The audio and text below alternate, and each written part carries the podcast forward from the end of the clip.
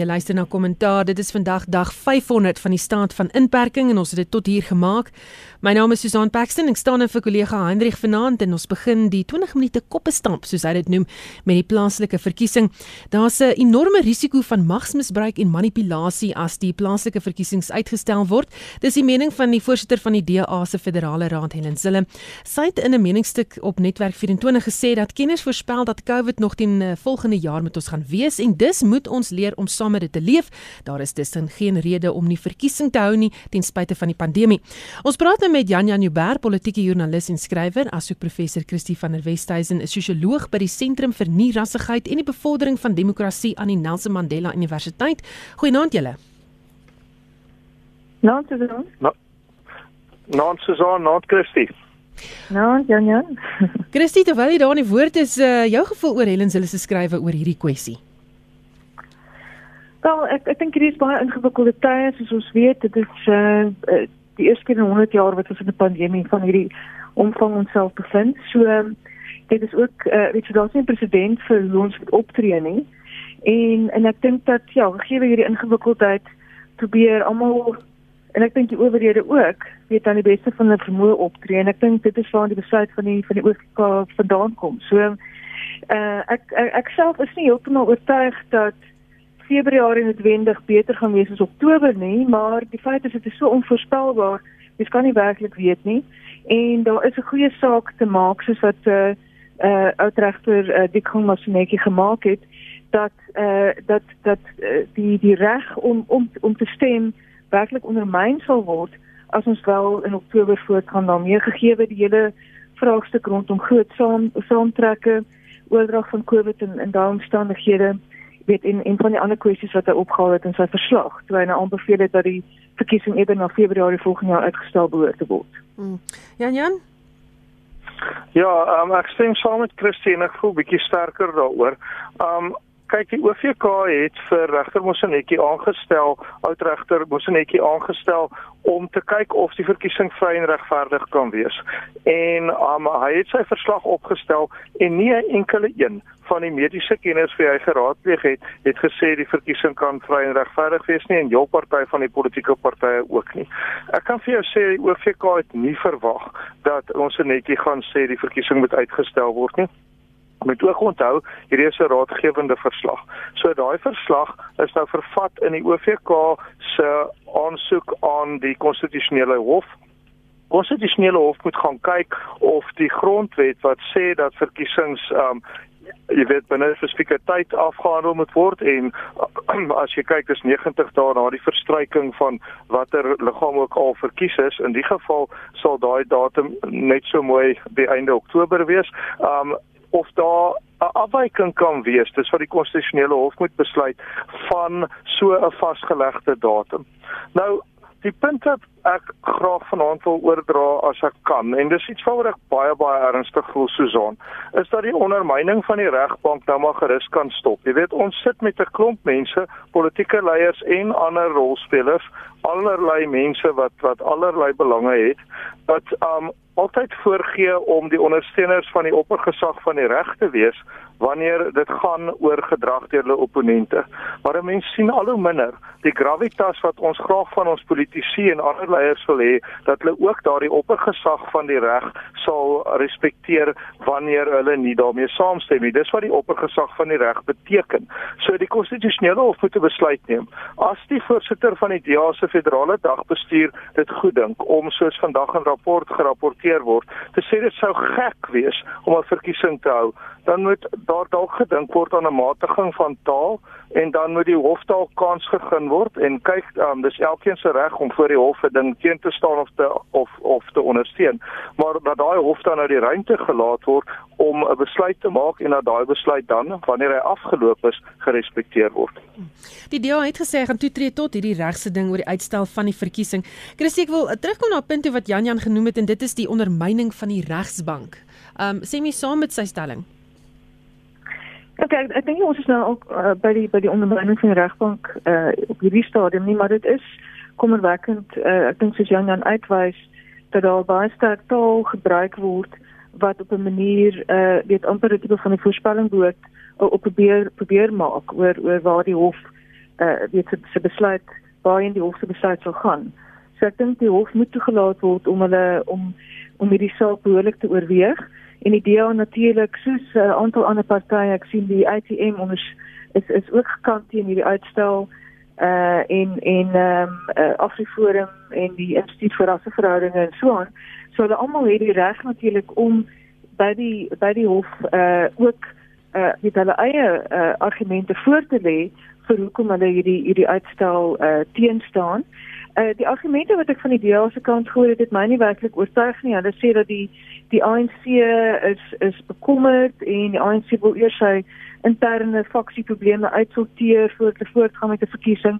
As ons kyk na die tussen verkiesings van die afgelope uh wat die die wat kon voortgaan oor die afgelope uh jare wat die ANC uh, doen eintlik goed. Die ANC doen baie beter as die DA in die tussenverkiesings. En dan kan ek uh, daar praat net en daai volg hierdie goed nogal baie nou. En uh, so ek dink werklik dit is 'n geval dat die ANC uh, bekommerd is nie ek dink Moseneke het het sy wat wat ons uh, ek dink uh, ons het almal baie respek vir Moseneke. Hier is nou werklik waar een uh, regter of uitregter wat totaal onkreukbaar is. So ek dink hy het werklik waar sy ehm um, sy sy die die die die, die volle saak voor hom behoorlik oorweeg en na na alle kante gekyk voor hy met hierdie met hierdie aanbeveling uh, voor hom daar gekom het. En en dan moet ons kyk aan die konstitusionele hof en, en wat die konstitusionele hof daaroor sê. Jan Jan Ja, ek uh, stem saam met Christie, jy weet, um jy weet daar daar's amper 'n implikasie um en dis nie net by die DA nie, dis by sommige ander uh, rolspelers ook dat regter Mosenetjie op 'n manier die regering of die ANC ter wille was. Nou net vir diegene wat dalk nie weet nie, regter Mosenetjie het met die ANC niks te doen nie en het nooit iets met die ANC te doen gehad nie. Hy kom uit die geskiedenis van die PAC uit. Dis hoekom ek gedink het was nogal 'n dekselse slim plan van die OVK om hom te vra.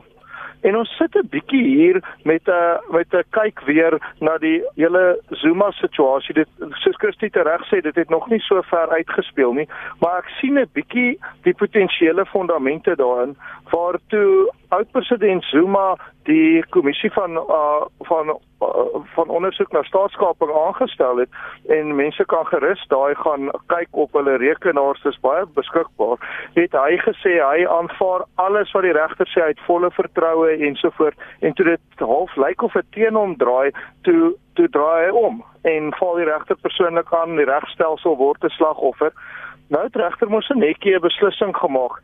Dis nie die beslissing wat ek sou gemaak het nie want um ek dink dis dit sou gevaarlik wees om enige vorm van president te skep dat die verkiesing uitgestel word maar dit is nou die soos Christie gesê dis ons sit met hierdie pandemie dis 'n deksels so moeilike situasie met die getuienis voor hom het ek simpatie vir sy bevinding al is dit nie my voorkeur nie hmm. Maar ons moet nou baie versigtig wees om nie te ondermyn die proses wat nou voorlê. Nie te sê um enige iemand wat teen my bevind is van sy kop af of het een of ander politieke voorkeur nie want wat Mosenetjie aanbetref daar is geen maar geen nie een voorbeeld in die geskiedenis dat hy die ANC of die regering ter wille is nie. Kom ons weeg die risiko's en miskien die positiefes op wat betref sinema daar word 'n besluit geneem om die verkiesing uit te stel. Jan Jan, dan kan jy begin. Wel, um, ek kan net gaan op die verslag van Mosenetjie want dit is um is hy wat na al haar getuienis geluister het. Ek het deur die verslag gelees en sy punt was basies dat as jy gaan kyk na verkiesings wat plaasgevind het in lande soos Indië, Brasilië en Amerika, dan was daar 'n geweldige toename in um in sterfgevalle en in siek word um in sommige van daai lande nadat daai verkiesings plaasgevind het. En hy sê teen die spoed wat ons in en gaan ons definitief heelwat beter daaraan toe wees, um jy weet wat kudde immuniteit betref en net kiesers um wat kies dan om ingeënt te word en ek doen die beroep en ek weet RSG doen dit ook gereeld op al ons luisteraars om asseblief tog um hulle te laat inent en as jy dan ingeënt is, dan gaan dit vir jou veiliger wees. Daar gaan definitief groter getalle wees wat ingeënt is teen volgende jaar Februarie maand. So dit was basies sy argument geweest. Hy het dit ook duidelik gemaak dat hy nie seker is oor die kwestie kwessie van of die verkiesing uitgestel kan word regtens binne die grondwet nie. Daardie besluit het hy nie geneem nie. Sy mandaat was om te sê gaan dit vry en regverdig wees. Hy het op grond daarvan dat daar tans geen stemmewerwery kan plaasvind nie. Wat verskriklik sleg is vir jou kleiner en armer partye, nie spesifiek vir die DA nie. Um dat dat daardie um verkiesing 'n verkiesing is nie net wat op die dag gebeur nie. Dis ook die aanloop tot die verkiesing. So mense kan gerus sy verslag gaan lees. Ek weet party mense dink nie dis 'n goeie verslag nie. Ek dink dit is. Uh, mense kan vir hulle self besluit maar kyk ten minste waarom die besluit geneem is en dan kyk jy vir jouself of jy dink daar's enige rol wat gespeel is deur um, 'n bevoordeling van die regering of die regerende party soos tans beweer word.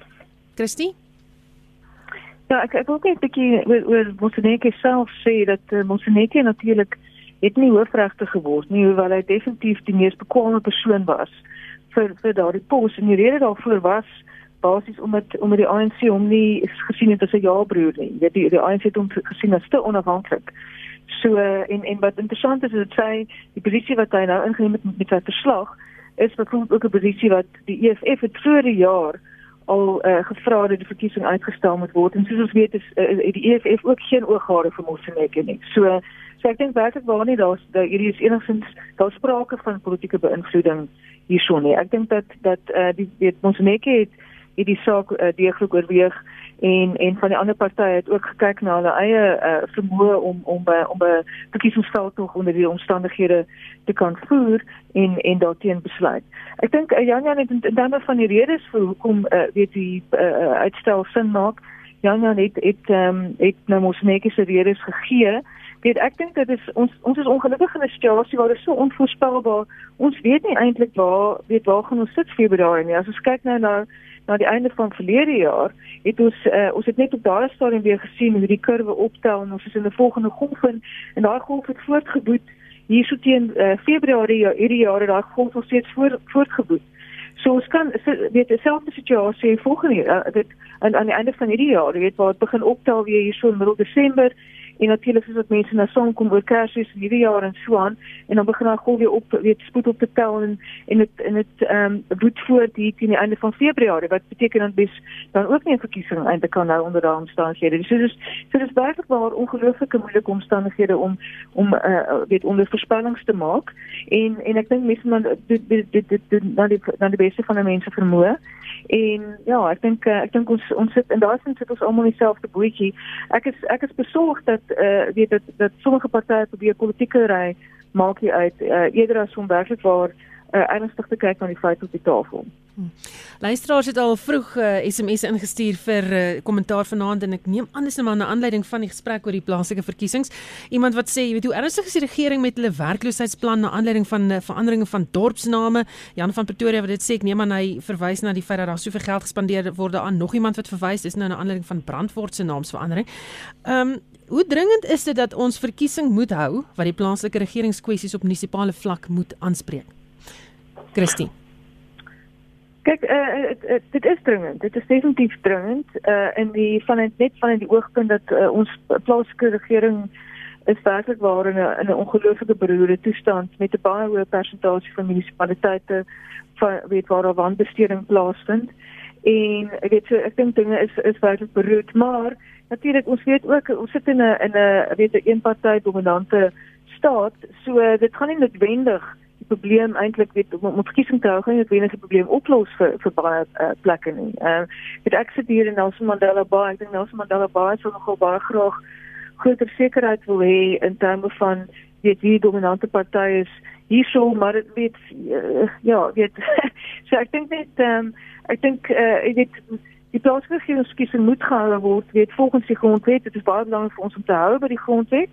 En ehm um, en en en hoe gouer daai verkiesing kan plaasvind hoe beter. Hoe hoe dit hoe werklik waar dinge gaan verbeter op grondvlak natuurlik is is 'n totale ander vraag.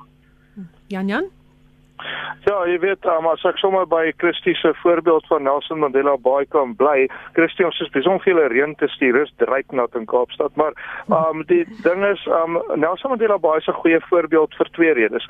Die um die soort van meer langdurige situasie waar 'n raadslid Ngababanga tans die die uh, um burgemeester is, maar in 'n uh, um stadsraad waar daar nouliks 'n meerderheid is en waar daar net vandag En dit is wat hierdie hele ding in perspektief plaas.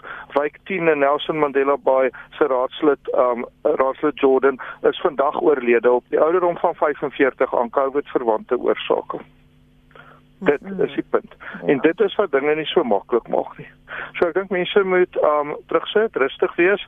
Um dis waar voor die konstitusionele hof regters in hulle posisies is en hulle moet daai besluite neem. Dat ons verkiesings nodig het natuurlik is noodsaaklik en gegee ons geskiedenis en die basis van ons grondwet, is daar amper niks belangriker as die hou van gereelde, vrye en regverdige verkiesings nie. Dis waaroor die hele verandering in Suid-Afrika um van 1994 af formeel en bietjie voor dit al gegaan het. So Dit is so. Um as jy kyk na die hele werkloosheidsplan, um ek sien die nuwe minister van finansies en Susan, jy sal seker later daaroor praat. Mm -hmm. Die het heelwat besê daaroor um in die Sunday Times vandag, maar ook dat um as jy kyk na naamsveranderings in die Masiloniana munisipaliteit wat setel daar in Tennyson en wat um Brandfort insluit wat se naam nou klaar blyklik gaan verander na Winnie Mandela of dan nou nie as uh, jy weet afhangend van wat die inwoners sê dan is daai tipe ding belangrik want dit het implikasies vir allerlei dinge vir mense se tuisvoelende omgewing vir die regering van daai plek vir die uitgee van geld is dit werklik die belangrikste ding om 'n dorp se naam te verander as hy in die toestand is wat Brandfort of Winnie Mandela dan in elk geval is, is dit hoegenaamd daar tot eer om om jy weet gegee die dienslewering wat daar plaasvind dit te, te laat gebeur. Al daai debatte is absoluut aan die gang. Um maar intussen wat die wat die verkiesing aanbetref, daai besluit lê voor die konstitusionele hof. Dis 'n ontsettend moeilike besluit.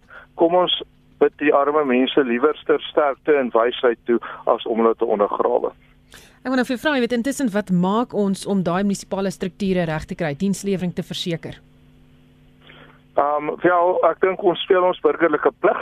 Ehm um, en ons sorg dat ons ons plaaslike raadslid so verantwoordbaar hou as moontlik. Jy weet plaaslike raadslede raak verskriklik ehm um, hoe sal ek sê opgewonde om na jou te luister aan die aanloop tot 'n verkiesing. Moet hulle nou nie dreig nie, mense, wees nou slim. Kry hulle aan jou kant en sê vandag toe nou man.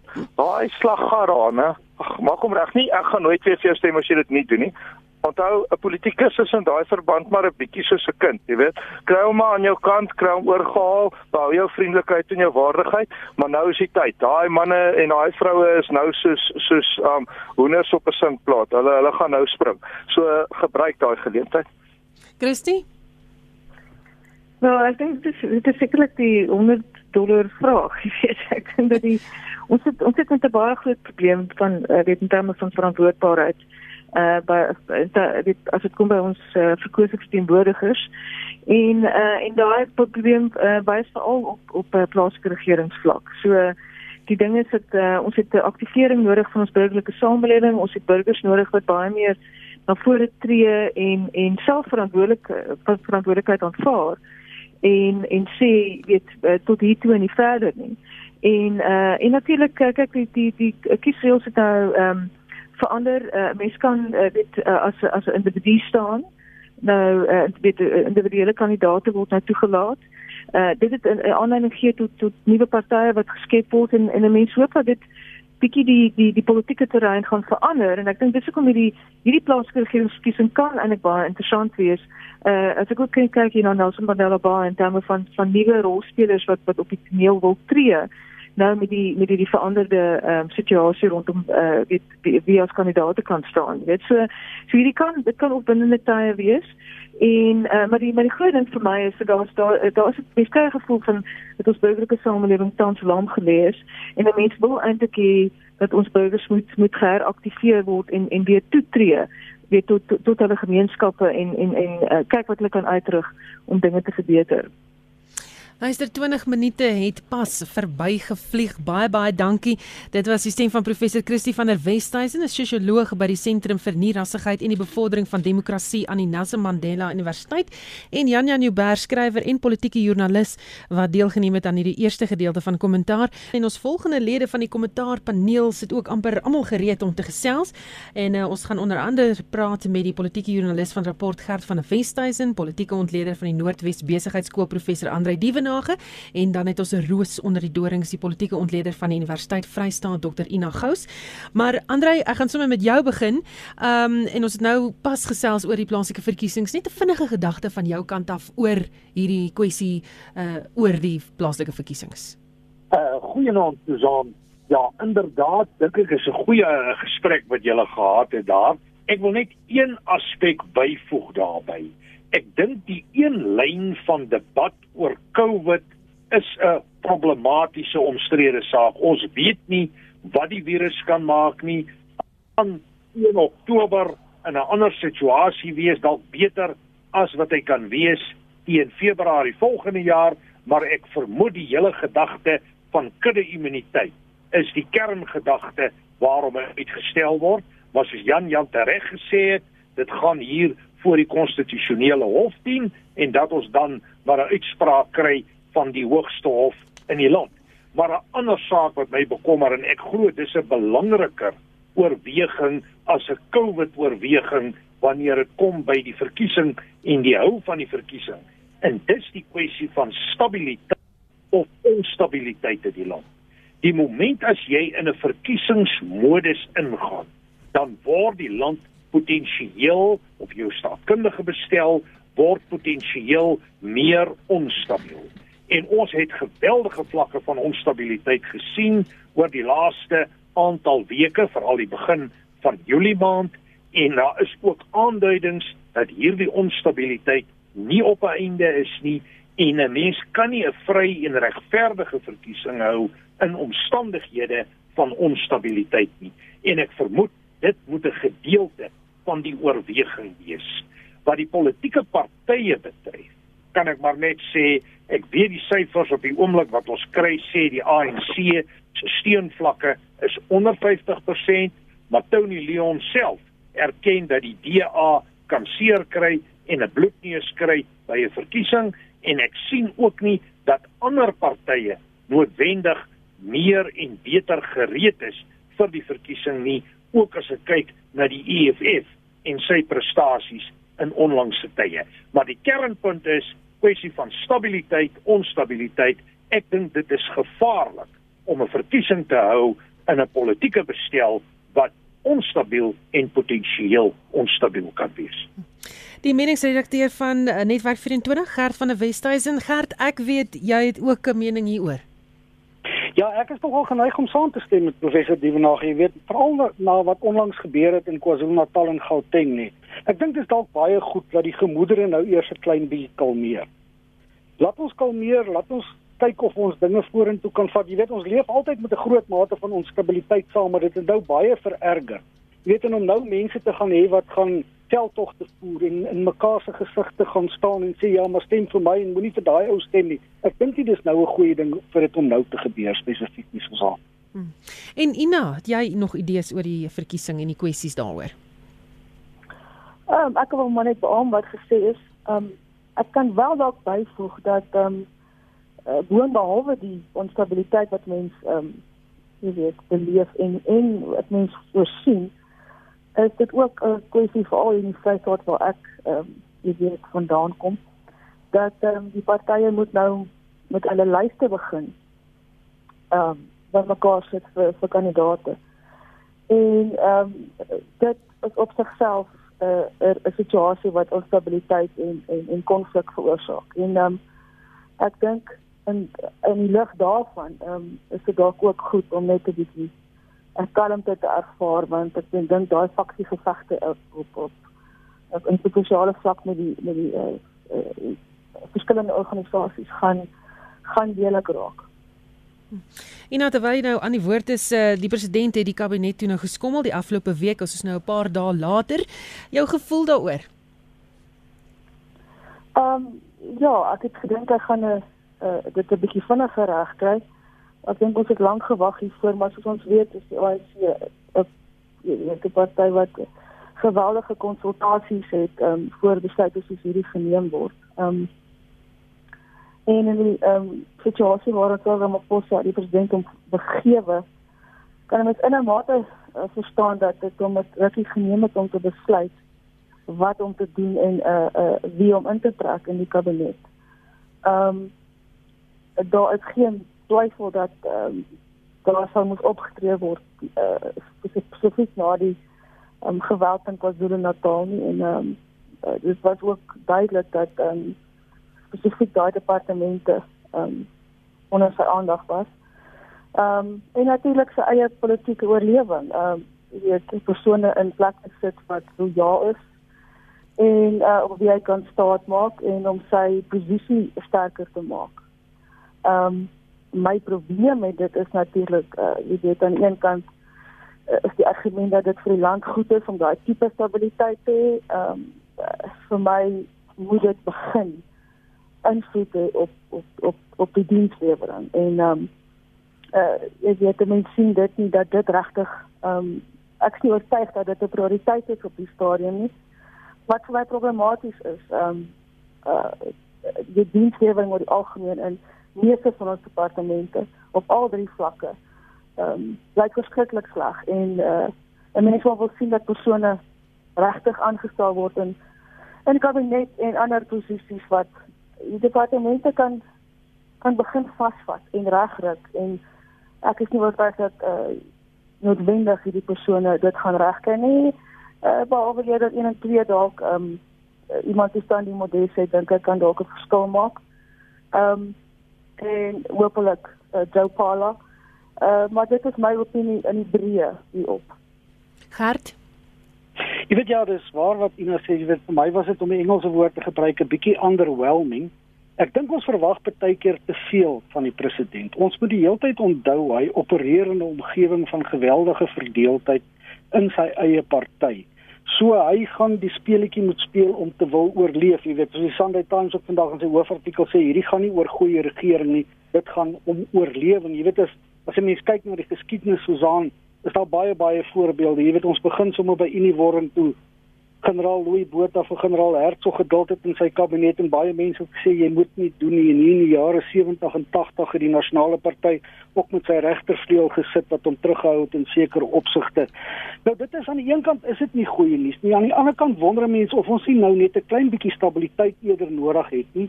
Jy weet daar moes hier en daar veranderinge kom 'n mens moes veranderinge sien in die sogenaamde security cluster en dan is uh, Noseviwe Mapisa en Kakula het nou uh, onder die valbuil beland en dan die Modise is aangestel as minister van verdediging. Baie mense reken dit is 'n goeie is 'n stap vorentoe. Ten minste het ons dan een stap vorentoe geneem. Baie mense wil ook die einde van Bekkie Cele, die minister van polisie gesien het, maar dit is nie nou realisties om dit te verwag nie. Jy weet nadat Zweli Mkhize ook laat gaan is uh, of self bedank het, jy weet in die die um, president sal graag steen wil behou in KwaZulu-Natal, die bietjie steen wat hy daar sal nie nog wil verder vervreem nie, jy weet. Ons moet onthou KwaZulu-Natal voel in 'n mate gemarginaliseer.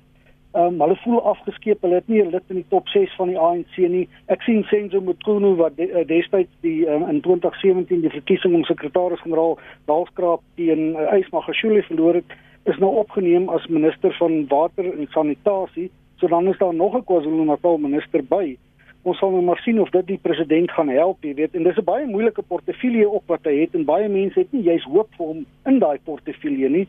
En daar's ook nou mense wat sê, jy weet, ehm um, wat het hy nou al gedoen? Wat het hy nou al bewys? En dit kom weer terug op die punt van dienslewering.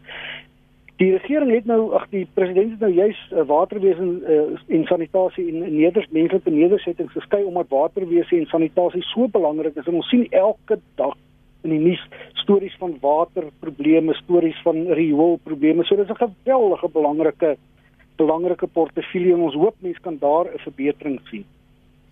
En dan Andre, dink jy die president het met 'n te swaar hand of te ligte hand ingelê onder die ministers? Uh, Susan dis ongetwyfeld met 'n te ligte hand maar ek dink die punt is ook gemaak hier en dis 'n belangrike punt dat ons benodig 'n stuk stabiliteit Maar kom ons kom ons kyk 'n bietjie wat was die sentrale oorwegings rondom die skuwe. Nou hy het drie sake aangeraak. Die eerste is uh, die hele kwessie van COVID en uh, die COVID het raak nou minister Sweli Mkhize. Die ander saak is veiligheid, hele kwessie van staatsveiligheid en dan die Julie onstabiliteit en die derde een is die ekonomiese kluster. Nou moet ek eerlik sê as ek die groter uitdagings van die Suid-Afrikaanse politieke, ekonomiese en maatskaplike omgewing bekyk en ek kyk na hierdie kabinet, dan moet ek regtig sê dat hierdie kabinet is uiters swak toegerus om hierdie uitdagings te kan hanteer.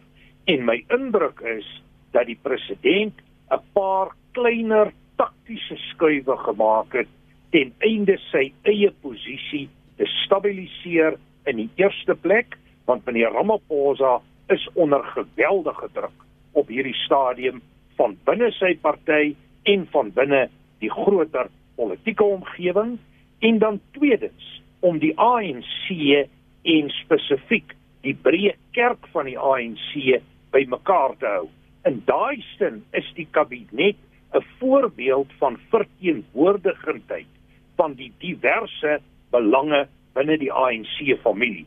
En dan in die derde plek kyk jy eers na die belange van die burgers ekonomies, maatskaplik en andersins. So ek is bevrees uh die die kabinet self uh gaan nie vir ons veel antwoorde bring nie as ek kom by individuele name en ek dink dit is belangrik om 'n paar name te noem. Ek dink die aanwys van Dr. Joe Pashla, ek dink dit is 'n goeie keuse om Zweli Mkhize te vervang.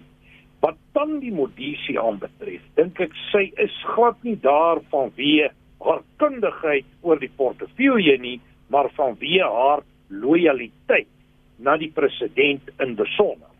Dan het ons ook gesien dat Lindiwe Sisulu se vlerke effens geknip is, want sy werk definitief in opsigte vir haar eie magsbasis en vir haar eie politieke toekoms en sy het groot en sy het hoë aspirasies in hierdie verband.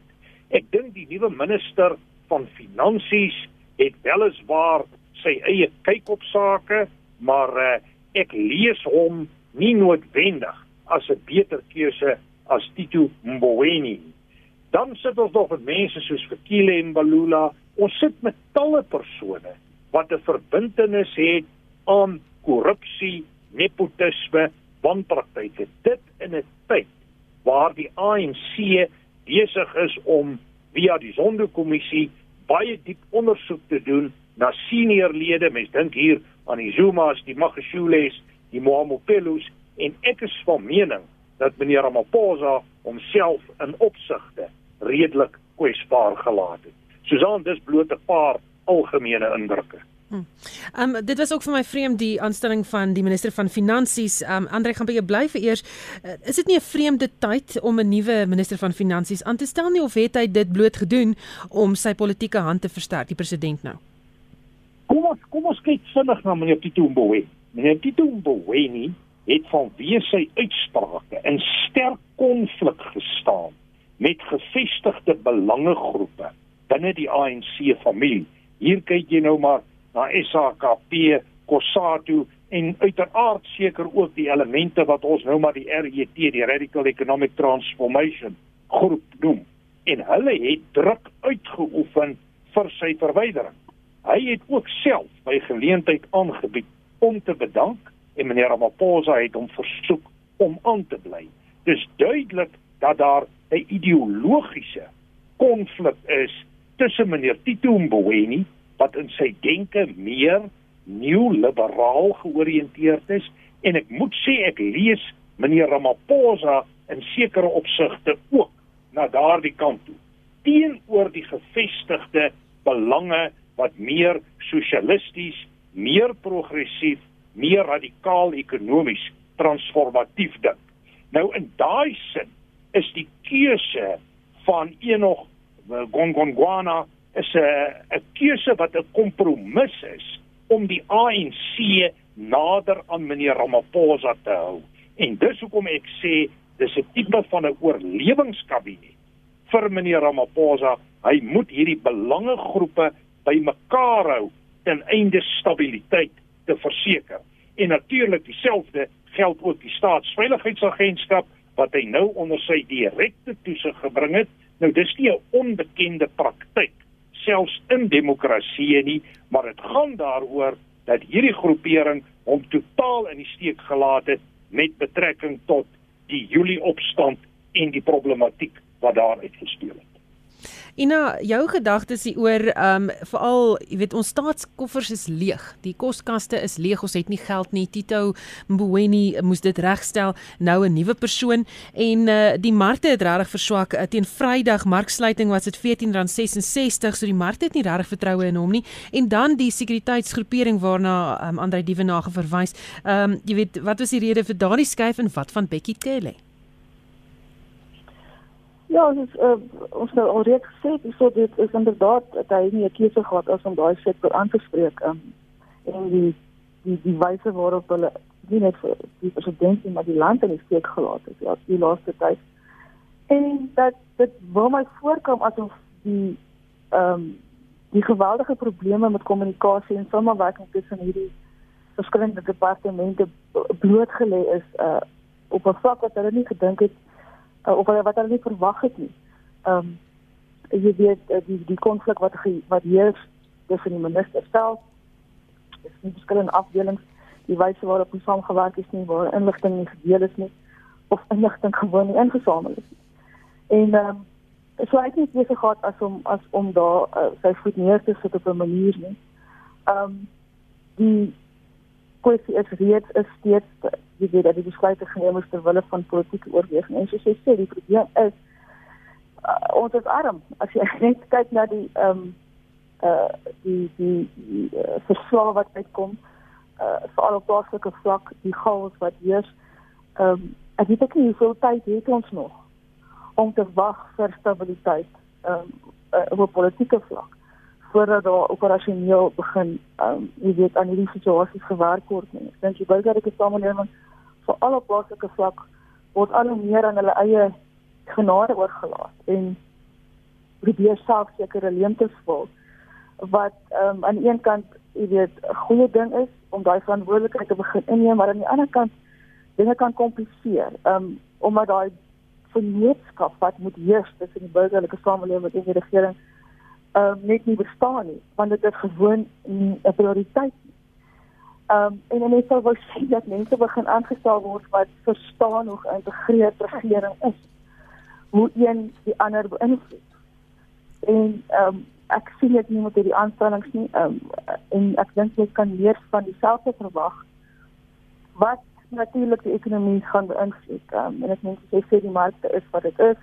Hulle hou nie van onsekerheid nie en dit die ehm um, verslae begin inkom of die uh, rumors van uh, kan net skryf kan mens ook gesien het wat die invloed daar is. Wat interessant is wel en dalk uh, kan my kollegas meer uitbrei daaroor ehm um, is er nog Godongwana se uh, beeld by die sake ehm um, uh, by die sake lê in die land. Dit wil my voorkom asof dit eintlik nie vir hulle 'n vreeslike negatiewe aanstelling was. Ehm um, hy was baie betrokke uit die aard van die saak in die komitee binne die ANC wat gestaak is om na finansiële beleid te kyk. En die sake sektor daar redelik met hom saamgewerk het en dat hulle daar uh, redelik goeie verhouding opgebou het en dat watter wolke van korrupsie af weet ook al op die stadium oor uh, die nuwe minister hang uh, jy weet nie vir die sake lei die grootste probleem is bly te wees nie. So dit is wat dit was nogal vir my interessante uh, verskynsel. Gert, ja, die uh, korrupsiebeweringe waarby Godongwana betrek word is problematies en hy moet die lig so gou moontlik suiwer sê van die berigte 'n minister van finansies kan nie deur skandale aangetast wees nie of word nie en markspelers en buitelandse beleggers het reeds begin vra vra. Maar dan is daar ook die wat sê mens moenie onderskat hoe invloedryk hy is nie. Ja, baie mense sal ook sê dit is nie eintlik so seer korrupsie as wat dit 'n oordeelsfout was. Maar kyk, hy's baie baie invloedryk in die ANC. Hy kom al van lank in die ANC. Hy het um, in 2010 het hy hom al dink ek uit dis ek dink is 2010 jaar dat hy hom al uitgespreek het in die rigting wat oud president Jacob Zuma en sy regering ingeslaan het. Hy's 'n baie sterk ondersteuner van president Cyril Ramaphosa. Hy het ook 'n groot rol gespeel in 2017 in die verkiesing van Cyril Ramaphosa. Hy het daarna verskeie keer in openbaar uitgekom by president Cyril Ramaphosa se hand sterk. Jy weet in in ehm um, Hy was voorsitter van die komitee of hy is nog steeds vir die voorsitter van die komitee vir ekonomiese transformasie wat onder meer hy het onder meer die resolusie opgestel oor onteiening sonder vergoeding nadat dit aanvaar is op die ANC se kongres in 2017. Ek dink hy is so seer 'n voorstander daarvan nie, maar hy het hom ook al by geleentheid daaroor uitgespreek en baie gesê het jy weet mens moet mooi kyk dat so iets nie sekere mense se belange aantas kossekerheid eh, voedselsekuriteit aantas of of of die ekonomie benadeel nie. Jy weet so mense sal nou kyk hoe hy in daai geval gaan optree want dit is 'n strydpunt in die party. En dit is vir my ook nogal interessant om te sien dat sakelei plaaslik nie juis so negatief oor hom gereageer het nie, jy weet. Ek sien daar was hier en daar iemand wat gesê het o, maar dit is dalk nog 'n naweek aanstelling soos Des van Rooyen, maar oor die algemeen is die sakelei nie so negatief nie en dit kan wees omdat hy al voorheen met hulle te doen gekry het en met hulle saamgewerk het en dit is dalk 'n goeie teken. Maar dat hy 'n baie moeilike werk het is nie altemit nie want daar is nie geld. Daar is nie geld nie, daar is nie werk nie, daar is nie beleggings nie. Ons weet nie hoe lank die virus nog gaan duur nie. Ons weet nie wanneer genoeg mense ingeënt gaan word om die ekonomie weer aan die gang te kry nie. So hy het 'n baie baie moeilike werk. Christine het 'n interessante opmerking hier op die SMS-lyn. Ehm um, sy sê wat 'n tragiese kabinet. President Ramaphosa was skoonheid asem toe hy begin het, seker tot op die einde gestry. Ehm um, dit tyd dat hy sy standpunt inneem en ontslaa raak van sy teenstanders. Ehm um, dink julle dit was 'n gewigtige gesprek wat daar agter die toedeure plaasgevind het? Andrei ja, Inderdaad was dit 'n gewigtige en 'n baie moeilike gesprek. Soos ek vroeër aangedui het, Dit gaan hier oor verteenwoordiging van die diverse en komplekse belange binne die familie van die ANC en almal wil seker maak dat hulle betrokke belang goed verteenwoordig word. En 'n mens kan net dink watter geveg en armdrukkery daar agter die skerms was. En dit is ook een van die redes hoekom daar uiteindelik so min beweging gekom het. Maar dit sê ook vir jou dat die president eintlik baie verswak word om werklik die keuses aan te stel wat dalk nodig is om die land vorentoe te neem en op 'n manier word jy 'n slagoffer van die kompleksiteite van binne jou eie party. En ek dink een so 'n voorbeeld en ek wil sê ek stem heeltemal met Gert se ontleding saam oor uh, Godgodwana. Ek dink dat uh, hy ongetwyfeld reeds 'n bekende faktor is binne die raamwerk van uh, die besigheidsomgewing. Hy is by die ekonomiese transformasie groepering van die ANC is hy die leier. So hy's 'n redelike bekende faktor Cyril ondersteuner. Die interessante hier een hier is uh die minister van polisie, Bekkie Cele. En na alle regte moes op meriete gronde daarvan Bekkie Cele ontslaag geraak het maar meneer Ramaphosa kan dit nie doen want Bekkie Cele verteenwoordig 'n baie spesifieke ondersteuningsbasis binne KwaZulu-Natal wat skynbaar onafhanklik is van die Zuma georiënteerde magsbasis en daarom geweldig belangrik is vir meneer Ramaphosa se ondersteuning in die grootste ANC provinsie in die land en waar dit lyk of sy steun besig is om te kwyn en of daar probleme vir hom kan wees. Dit is ook die rede waarom Zenzo Mchunu tot die kabinet toegevoeg is om die ondersteuning vanuit KwaZulu-Natal te versterk. So ek dink dit is die die grondslag, maar dat daar 'n groot armdrukkery agter die skerms aan die gang was, is toe, maar dit lyk op die stadium of meneer Ramaphosa wel nog die SAKP Kossatu elemente aan boord het en ek dink hy gaan hulle steun baie benodig in die komende maande want ek verwag verdere onstabiliteite in die Suid-Afrikaanse politiek. Trouwens, ek reken dat ons in 'n baie onstabiele siklus gaan inbeweeg tot en met einde 22 met die nasionale konferensie van die ANC wat op hande is staan. Dan het Sarel van Centurion dat weet, hoor asseblief by die paneel hoekom David Mabuza so stil is. Hy was heeltemal afwesig deur die onluste en daarna. En uh, die adjunkpresident David Mabuza was dan nou ook in die kollig vandag. Um, hy het teruggekeer vanaf Rusland waar hy glo behandeling ontvang het vir 'n siekte. Die DEA wil nou weet of hy nog geskik is om die pos te vul as adjunkpresident as sy gesondheid dit dan nie toelaat nie. En ek hoor ook gereeld die vraag, maar waar is hy in die krisis wat die land beleef? En julle gevoel hieroor Gert? Ja, dit is 'n goeie punt wat die DA daar gemaak het. Jy weet, ek sien uh, daar was 'n baie goeie berig vandag in 'n rapport oor adjunk president David Mabuza wat glo aan 'n geheimsinnige bloedkwaal. Hy hy moes net vir 'n paar dae al siek gewees het, maar dit het toe 6 weke geword waar hy in Rusland was en toe hy nou verlede week terugkom, is hy onmiddellik met 'n straler na sy huis geneem. Weet maar die man het belangrike take wat hy moet doen. Hy's hy's byvoorbeeld voorsitter van die komitee wat moet kyk na die herstrukturering van Eskom en die COVID-19 inentingsprogram. Jy weet, en dis albei uh, aspekte waarin die staat nie juist baie goed uitblink. Uh baie mense sal nou vir jou sê weet jou gesondheid is 'n persoonlike saak, maar ek wonder partykeer as jy so 'n belangrike posisie beklee soos hy beklee of jou gesondheid nie bespreek moet word nie of jy nie vir mense regtig moet sê wat fout is nie en hoe lank dit gaan neem om gesond te word en of jy ooit gaan gesond word jy weet want dis dis regtig 'n baie belangrike belangrike pos wat hy beklee en hy moet baie belangrike ander goedes doen. En 'n mens kan nie jy weet hy het nou net vir 'n maand verdwyn baas Ina? Ja, kyk, as jy president ehm um, of dit was wat hy nooit vir my uh, jy weet spesifiek ehm um, uh, van net gewees uh, vir die land van die begin af. Alhoewel hierdie baie bes, belangrike take um, aan hom toegedien is. Ehm um, dit is wel vir my 'n uh, problematies dat daar nie deursigtigheid is oor sy gesondheid nie.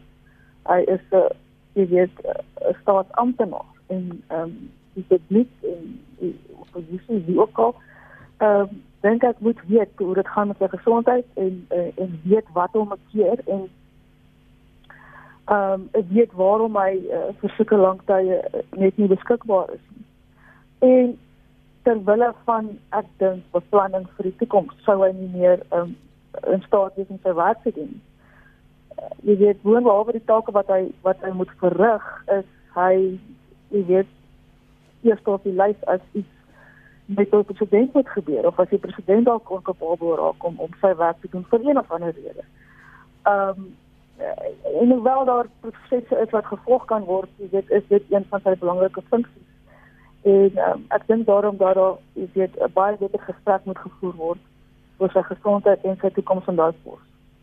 Andre Suzan die Engelse term dark horse is hier ter sprake. Ek dink wanneer dit kom by die kat of Didi Mabuza is baie min presies soos wat dit op die oppervlakte lyk. En 'n mens moet versigtig sy situasie beoordeel.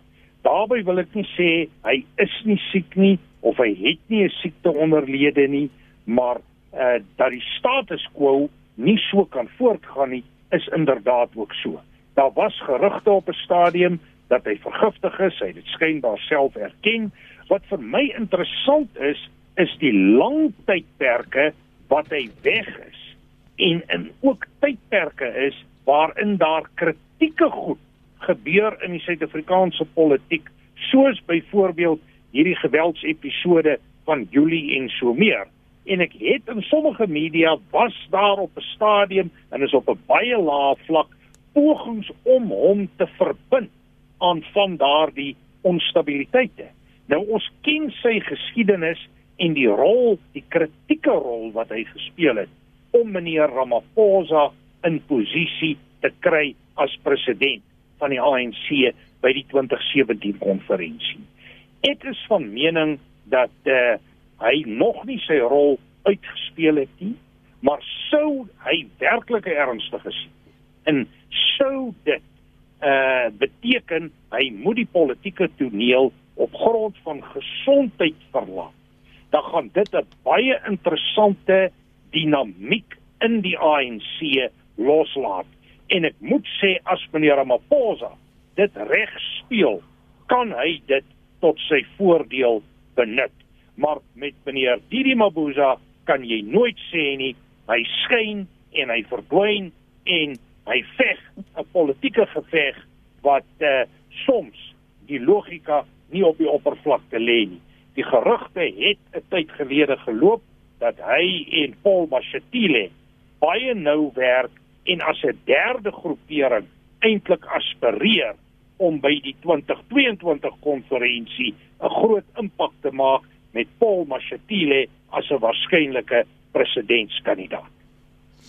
Dan het Lady Dorrington van George gesê wat my plaas al die geld wat gebruik word in hofsaake ons regering se geld armes moet gevoed word. Bring my by die volgende vraag Gert, jy gaan miskien begin begin met hom.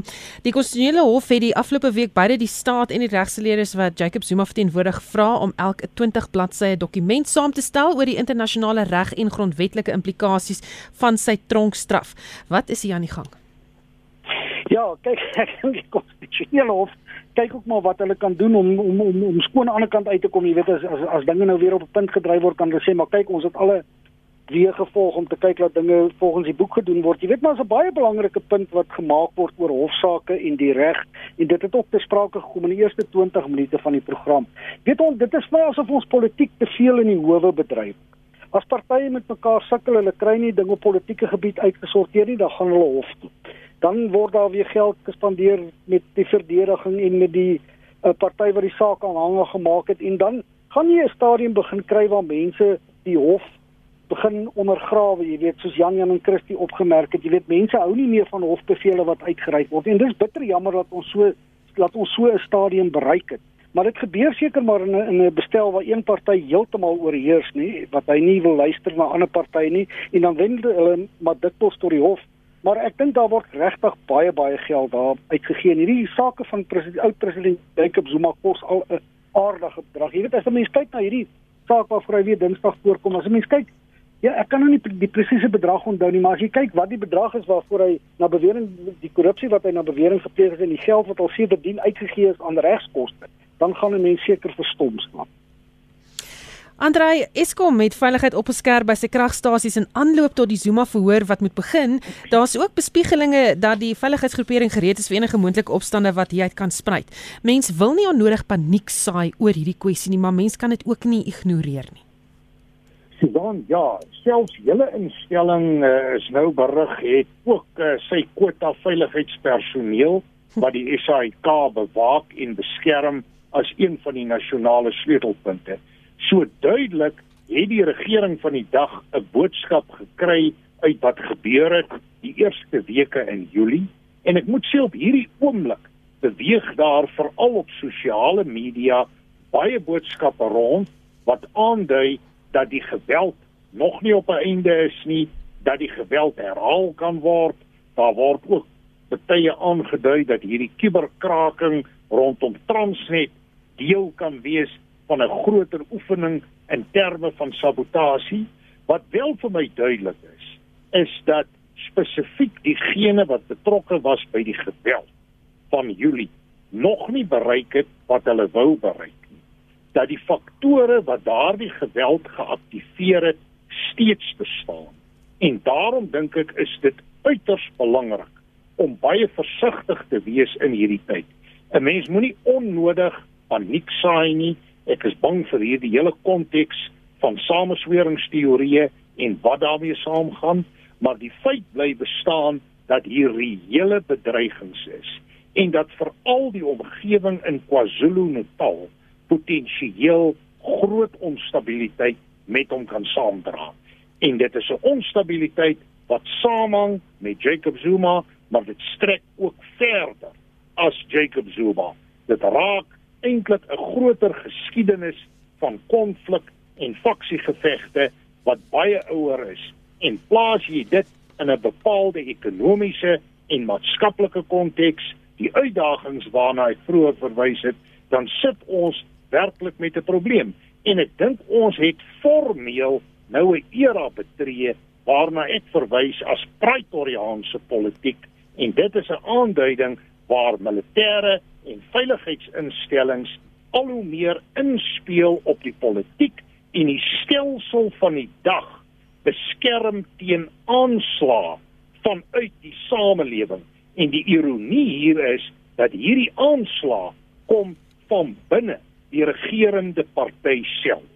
En ek moet eerlik sê dit besom omtrent die situasie op waarin meneer Ramaphosa hom bevind en ek dink dit verklaar ook 'n groot gedeelte van wat hy gedoen het in terme van sy kabinetskuive en hoe hy sy eie posisie daarin probeer konsolideer het. Ek moet sê ek dink daar moet baie sterk stappe geneem word teen diegene wat vir die onstabiliteit verantwoordelik is.